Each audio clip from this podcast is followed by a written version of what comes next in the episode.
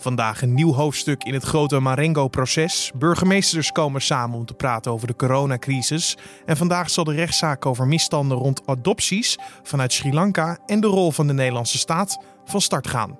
Dit wordt het nieuws. Je ziet dat moeders uh, een trauma voor hun leven met zich meedragen. En dat zal nooit meer oplossen. En niet alleen deze moeders, maar ook de families, waar, hè, die, de gezinnen die daarna gesticht worden. Er is altijd een lege plek. Het is de eerste zaak die is aangespannen tegen de Nederlandse staat over de onjuiste praktijken rond adopties uit Sri Lanka. De uit 1992 geadopteerde Dilani Butink had te maken met zo'n onjuiste procedure. Ze houdt de staat en Stichting Kind en Toekomst daarvoor aansprakelijk. Aan wat voor onjuistheden en gesjoemel in Sri Lanka moet je dan denken? Dat hoor je zo van voorzitter van United Adoptees International, Shamila Seppelwolde. Maar eerst kijken we kort naar het belangrijkste nieuws van nu. Mijn naam is Carne van der Brink en het is vandaag maandag 18 mei.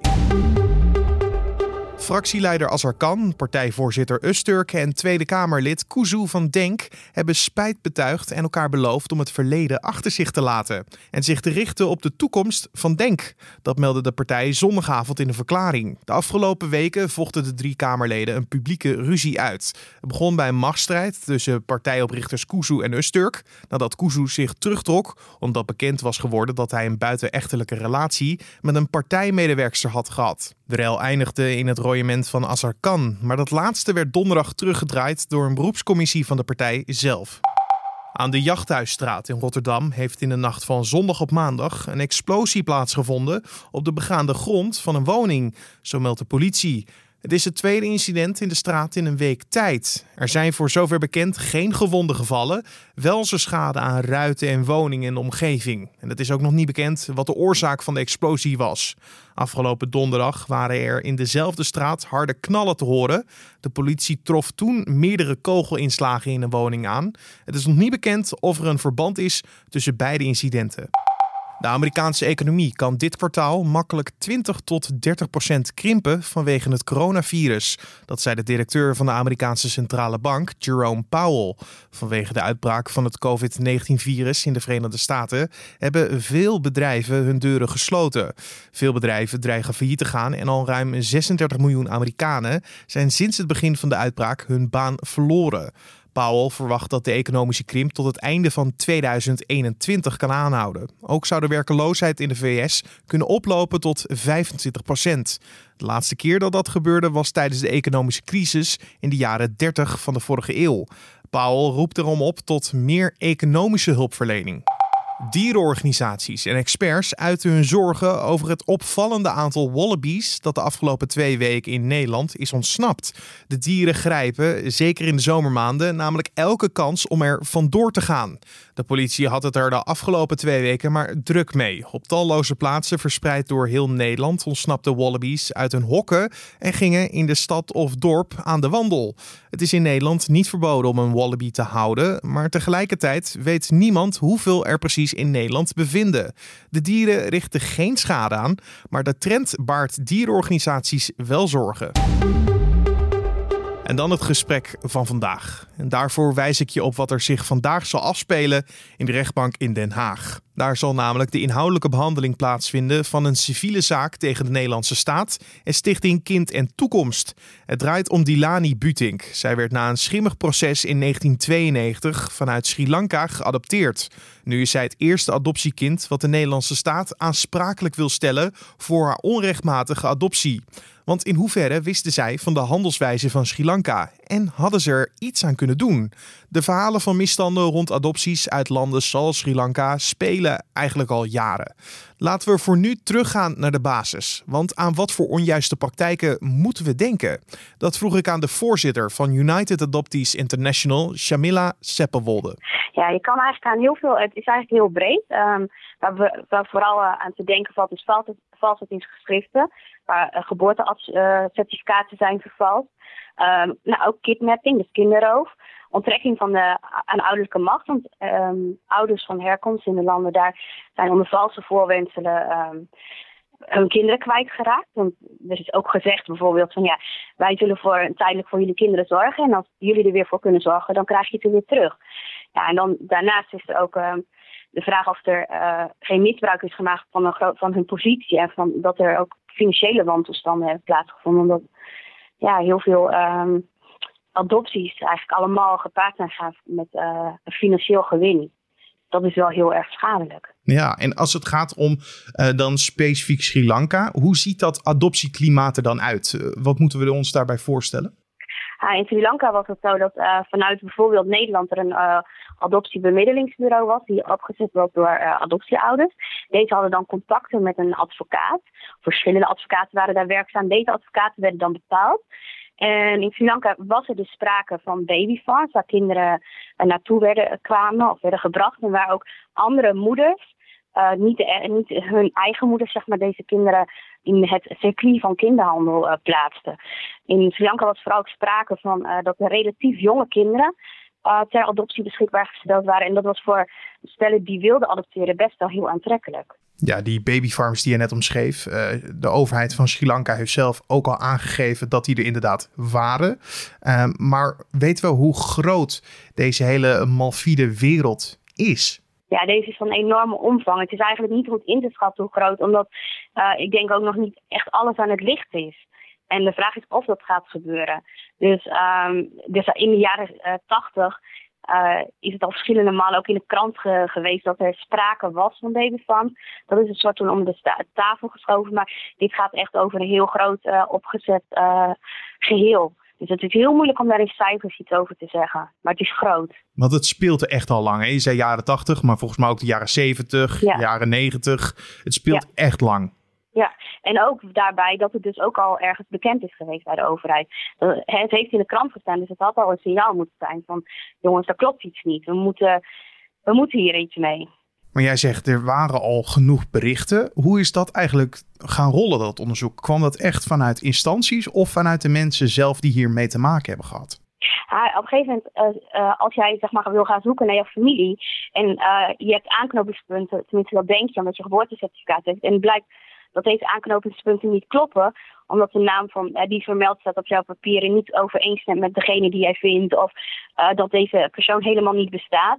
Ja, daardoor is het balletje eigenlijk steeds meer aan het rollen gekomen. Dat uh, geadopteerden zelf ook zijn gaan zoeken en erachter kwamen dat zaken niet klopten. En ja, daar, daar is overheen de media natuurlijk ook gekomen. En dan, is, dan ja, gaat het balletje steeds harder rollen. Dus door het echt goed inspecteren van de geboorteactes uh, werden steeds meer mensen ervan bewust van hey, dit klopt niet.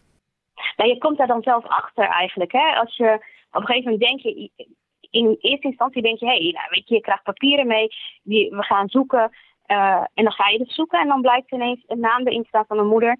En die vind je dan, die naam. En dan zegt hij, ja, maar ik heb nooit een kind afgestaan. Of uh, en eigenlijk gaandeweg zie je ook dat moeders uh, zelf ook mondiger worden in, in, Sri Lanka bijvoorbeeld. En zeggen wij hebben een kind afgestaan of er is een kind afgenomen. En dan kom je erachter dat dingen, dat zaken niet kloppen, dat papierwerk niet klopt. Maar dat er ook naar de moeders toe een verhaal is opgehangen ja, waar, wat vol zit met leugens. Maar om even het beeld compleet te maken voor mij en ook de luisteraar. Hoe kwamen de geadopteerde kinderen er zoveel jaren later achter dat het niet klopte in de papieren? ja, dan kom je dus achter dat je als je bijvoorbeeld een, uh, um, een DNA-match, uh, DNA-test gaat doen en blijkt dat jouw DNA niet overeenkomt met degene die in jouw papieren staat, of dat je gewoon simpelweg het spoor dat er doodloopt, dat, je, dat er plek helemaal niet iemand bestaat met deze naam. En dan heb je natuurlijk te maken met ouders die achterblijven in Sri Lanka. Uh, weten we wat er met hen gebeurde? Ja, ik weet zelf dat. Um, ik heb moeders gesproken, maar ik, uh, ik weet zelf wel dat er moeders zijn die uh, niet wisten wat hun overkwam, die in de rechtbank ook kwamen en die ook zeiden van ja, um, toen ik blanke mensen zag staan, wist ik dat ik mijn kind kwijtraakte. Daarna wilde ik niet meer leven. Er zijn moeders, maar ze zijn, deze moeders zijn veelal heel veel veerkrachtig. Maar uh, het is natuurlijk verschrikkelijk als jij niet weet wat er met jouw kind gebeurt. Er zijn misschien wel moeders die het wel hebben geweten, maar een groot deel van de moeders uh, hebben het niet geweten en die het misschien wel uh, meegedeeld. Ze hebben nooit kunnen beseffen wat de impact zou zijn. Mm-hmm. Omdat zij ook niet op de hoogte zijn gebracht. Want als je dit soort heftige verhalen hoort, hoe, hoeveel pijn, eh, verdriet en, en, littekens zijn daar nu nog steeds zichtbaar van? Ja, enorm veel. Je ziet dat moeders uh, een trauma voor hun leven met zich meedragen. En dat zal nooit meer oplossen. En niet alleen deze moeders, maar ook de families, waar, hè, die, de gezinnen die daarna gesticht worden. Er is altijd een lege plek. Maar ook heel veel schaamte. Um, moeders die er nooit over zullen vertellen. Er is heel veel stil en verzwegen leed. En ja, dat, dat is enorm. Dat is, ja, dat, dat is echt verschrikkelijk. Het is een, is een heel zwaar trauma. Een trauma wat je je hele leven zal meedragen. Ja, ja, dat durf ik wel te zeggen. Dat gaat nooit weg. En als we het hebben over de grootste gemene deler, draaide dit nou allemaal gewoon om geld? Als het gaat om handel, om geld. En in deze, uh, heel veel is gecoverd met het belang uh, van dat een moeder niet voor haar kind kon zorgen en het belang van het kind. Wij zelf zien wel dat er heel veel sprake is van dat het toch gaat over uitbuiting, over uh, macht. Want dat geld dat in dit systeem zit, daar, dat geld had ook kunnen gegeven worden aan de moeders, de families van herkomst in het land zelf, in Sri Lanka. Daarmee hadden ze een bestaan kunnen opbouwen. Want het, het, is niet zo dat als je eenmalig arm bent, zeg maar, in het begin van je leven, dat dat de rest van je leven ook zo blijft. Er zijn ook verschillende situaties die, uh, waar families een heel goed bestaan nu hebben. En de andere kant is er ook. Maar dan nog heb je een pleegzorgsysteem wat, waar kinderen in het land zouden kunnen blijven, zeg maar. Dus dat, dat maakt het heel ingewikkeld. Op het moment dat er geld bij komt, dan gaat het uh, heel snel de verkeerde kant op. Want hebben de ouders die achterbleven zonder hun kind ooit iets teruggezien eh, van, van het geld wat ermee verdiend werd? Zij hebben daar zelf niks van teruggezien. Dat ging allemaal op in het uh, circuit van advocaten en bemiddelaars. Een extra vraag die er nu is bijgekomen is de vraag in hoeverre de Nederlandse overheid ervan op de hoogte was en verantwoordelijk worden geacht van onrechtmatige adoptie. Uh, Zembla heeft uh, veel correspondentie uit begin jaren 90 in handen gekregen. Waaruit zou blijken dat Nederland op de hoogte zou zijn. Hoe kijken jullie naar de rol van de overheid? Ah, kijk, de, rol van de overheid is in alle tijden dat je een controlerende functie ook hebt. Kijk, ik, ik noem het even heel, uh, heel cru. Als je een auto importeert van het ene naar het andere land en het is niet rechtsgeldig gegaan, dan ben je als land wat het, uh, de auto importeert net zo goed medeplichtig. En hier gaat het niet over auto of over pinda's, het gaat over kinderen. Het gaat over uh, levens. Dus um, het, het zou het is zoveel meer uh, nog dan, dan iets, uh, een product. Dus dat maakt ook dat er zoveel emotie achter zit. Hoe kan je hier zo onzorgvuldig mee omgegaan zijn als deze signalen er gewoon geweest zijn? Hadden in de jaren 70 en 80 hadden diepgaande onderzoeken moeten, zijn, moeten gebeuren. Het had eigenlijk het hele systeem had op dat moment plat moeten gelegd worden. En pas als helder was waar de problemen zaten, ja, dan had je andere stappen kunnen zetten. En ik verwacht dat het dan had dus uiteindelijk had moeten zeggen, we moeten dit systeem stoppen per direct. Dat zeggen we natuurlijk ook met de kennis van nu. Um, we moeten natuurlijk uh, wachten op de rechtszaak. Hoe dat gaat ontwikkelen en hoe inderdaad uh, de Nederlandse overheid hiervan op de hoogte was. En ja, in hoeverre ze verantwoordelijk worden geacht.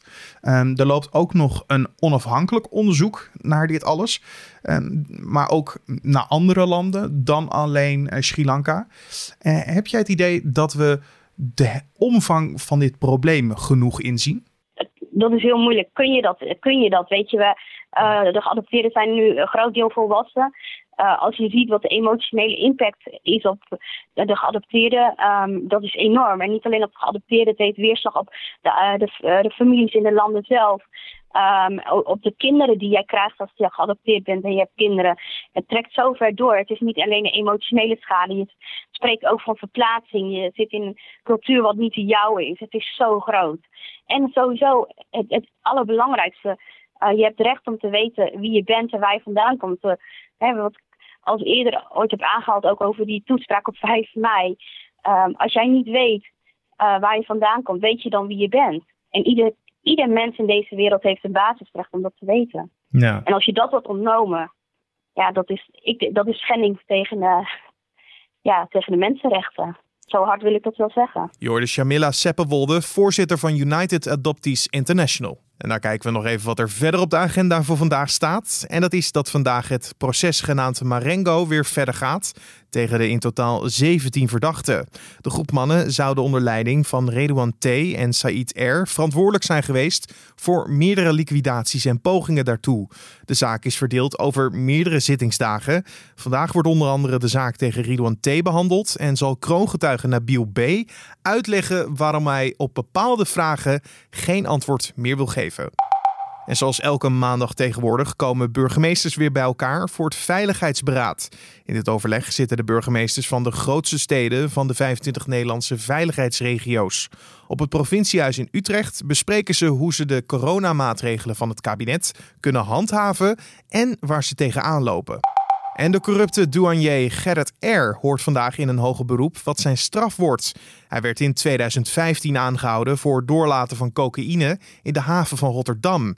Hij zorgde dat de containers met de drugs niet gecontroleerd werden en verdiende zo zeker 3,5 miljoen euro. In de eerste aanleg kreeg hij 14 jaar cel opgelegd en het OM eist dat nu weer. En dan het weer voor vandaag. En dat kan je het best samenvatten als een mix van wolken en zon. Want aan het begin van de dag gaat de zon in het noorden vaak schuil achter velden van sluierbewolking. Later op de dag trekken de wolken oostwaarts weg en zijn er bijna overal in het land de perioden met flink wat zon. Toch kunnen er verspreid over het land nog steeds wat stapelwolken zijn.